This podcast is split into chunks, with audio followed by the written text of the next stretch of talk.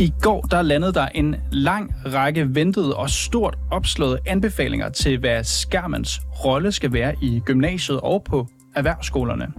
Og børne- og undervisningsministerens budskab, ja, det var helt klart. Skærmen, den skal ud. Vi skal have lukket computerne, slukket mobiltelefonerne, lukket dem inde i mobilhoteller, og så skal vi have genetableret et almindeligt klassefællesskab som et læringsrum. Ja, sådan så her sagde Mathias Tesfaye fra Socialdemokratiet altså til Danmarks Radio i går. De her anbefalinger de kommer fra Styrelsen for Undervisning og Kvalitet, og de råder altså skolerne til at spærre for bestemte hjemmesider og lade computerne være lukket, når team starter, og droppe skærme i gruppearbejdet. Men hvad bygger de her anbefalinger egentlig på? Hvem har skrevet dem, og hvordan kan vi være sikre på, at de overhovedet virker? Ja, professor Jeppe Bundsgaard, han retter nu en kritik af Styrelsen for Undervisning og Kvalitet, for ved de overhovedet, hvad de taler om?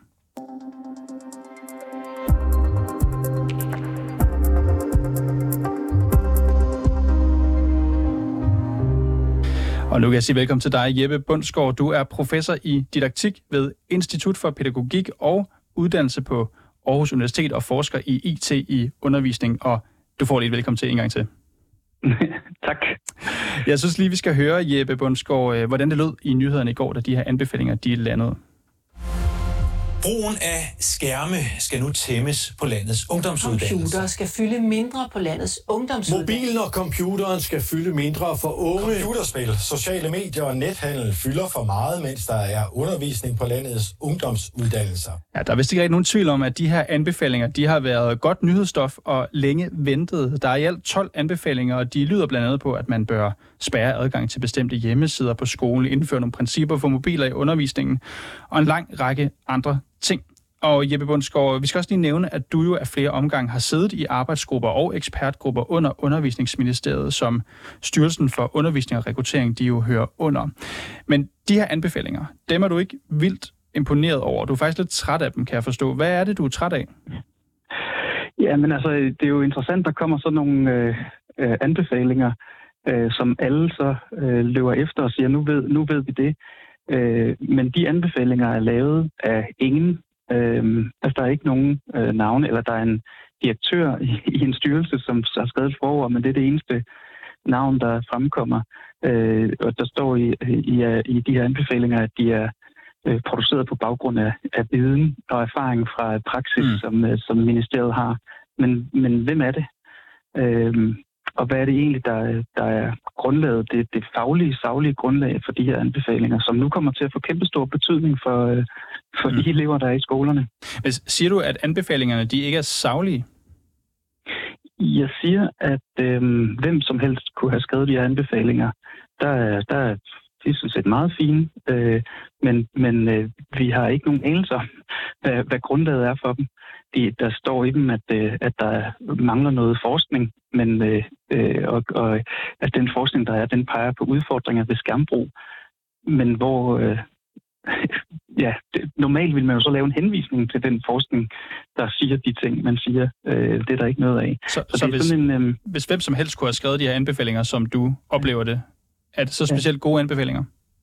Nej, altså, det jeg, altså jeg tænker, at det her det er et virkelig vigtigt spørgsmål, og man kan jo høre på undervisningsministeren, han har han sætter jo øh, jeg må sige, fem streger under, for det er jo ikke det, anbefalingerne sådan set siger, men han bruger dem i sin og i mange andres øh, dagsorden med at få øh, rullet digitaliseringen i skolerne tilbage. Øhm, og det, øh, det, er jo han, det er han i sin gode ret til, men han, men han gør det jo på, på et grundlag, hvor folk får det indtryk, at der er et, et øh, savligt og fagligt grundlag for den øh, mm. beslutning. Godt. Og det er, det er det her altså ikke udtryk for. Altså, du savner et øh, fagligt grundlag, siger du. Styrelsen de skriver jo sådan her, citat, anbefalingerne er udarbejdet ud fra styrelsens viden og erfaring om undervisning. Vi har desuden inddraget eksterne eksperter og praktikere og Sundhedsstyrelsen og relevante organisationer som repræsentanter for ledelser, lærere og elever. Der har for eksempel været rektorer fra forskellige skoler, der har været inddraget i arbejdet med de her anbefalinger, som jo har erfaring fra den virkelige verden, må vi formode. Altså er det ikke netop vigtigt, at man baserer sådanne anbefalinger på praksis? Jo, men hvem er vi i den sætning? Det er fordi, man har ret stor... Nu har jeg jo skrevet mange øh, tekster igennem min tid, også på baggrund af samtaler med andre, og man har ret stor magt i, øh, hvad der bliver formuleret i sådan en tekst. Øh, og når man skal formulere noget i en tekst, så skal man have forståelse for det, man formulerer noget om. Og det kan jeg tvivle lidt på. Altså, jeg ved jo ikke, hvem vi er, men, de, men langt de fleste i øh, undervisningsministeriet og i styrelserne har en baggrund i, inden for statskundskab og en karriere i øh, statsadministrationen. De har ikke nogen viden og erfaring fra undervisning. Øh, altså øh, lige præcis det ministerium, altså hvor, hvor sundhedsministerium er fyldt med læger, med god grund, så er der stort set ingen med, med baggrund i skolerne og gymnasierne i, i uh, undervisningsministeriet. Je, Jeppe Bundsgaard. læringskonsulenter, men det er det. Har du, ikke til, har du ikke tillid til, at Styrelsen for Undervisning og Kvalitet, som den jo så flot hedder, og ministeriet leverer anbefalinger baseret på viden og erfaringer?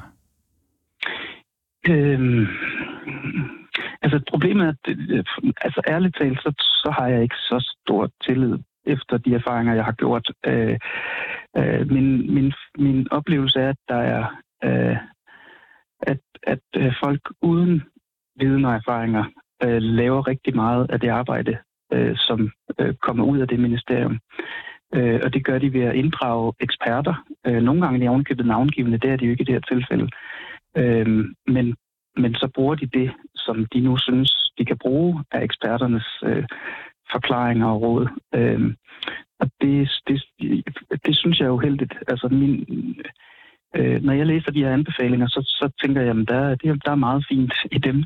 Men jeg tænker, det adresserer ikke det helt centrale problem, nemlig, eller man kan sige, det adresserer eleverne som problem. Det antager, at skolen eller gymnasiet er, som det skal være, og eleverne handler forkert med de her digitale mm. øh, medier. Men mit spørgsmål vil være, hvad nu hvis man, man spurgte, er, er det den rigtige øh, undervisning, der foregår? Er det, kan det hænge sammen med, at meget af undervisningen er, at læreren står og holder oplæg, og eleverne bagefter skal tale sammen i grupper Jeppe, om det, som læreren har sagt. Hvis jeg skulle læse de her anbefalinger op, bare et, et udsnit fra dem, der står mindre skærm i gruppearbejde, skærmfri perioder i undervisning, principper for brug af mobil. Man ved, man har haft held på Nyborg Gymnasium. For fire år siden indførte man også nogle, mm. nogle regler om det her. Altså, hvad er der galt med de her anbefalinger? Jamen, som, altså, jeg vil faktisk sige, at det her med gruppearbejde er et godt eksempel. Øh, her står så, at der må maks være én computer i gruppearbejde. Og hvad er øh, årsagen til det? Ja, der er en rektor på IBC, som, altså International Business College, som, øh, som har haft gode erfaringer med det. Men øh, altså personligt, når jeg laver gruppearbejde, øh, det hedder noget andet, når, når man arbejder, men, men når jeg arbejder sammen med kolleger i grupper, der har vi tit mere end en computer åben. Øh, nogen kigger på nogle data, og nogle andre skriver noget ned, og nogen søger på nettet, og øh, nogle gange er der også en, der deltager fra virtuelt. Øh, altså sådan nogle... Øh, øh, eller dybest set, så vil jeg sige, det kan være, det er en fin anbefaling, men hvad er grundlaget for den? Og at en øh, skole har gode erfaringer med det, er ikke ensbetydende med, at det er en god anbefaling. Det, der er problemet med de anbefalinger, er jo, at det ikke er en gruppe af gymnasielærer og gymnasierektorer, som har lavet den. Det er vores øh, stat, som nu anbefaler en given praksis. Det har altså en helt anden status, Godt. end at nogen har siddet og fundet noget på. Og Jeppe, det er det, som jeg synes er problemet. Jeppe Bundsgaard, du er professor i didaktik ved Institut for Pædagogik og Uddannelse på Aarhus Universitet. Du skal have tusind tak, fordi du var med her i dag. Selv tak. Og vi har selvfølgelig også budt styrelsen på et interview, men de er ikke vendt tilbage på vores henvendelse. Og det var alt for reporterne i dag. Bag den her udsendelse var Majlinda Urban Kucci, Alexander Brøndum, han er producer, Simon Renberg er redaktør, og mit navn er Niels Frederik Rikkers.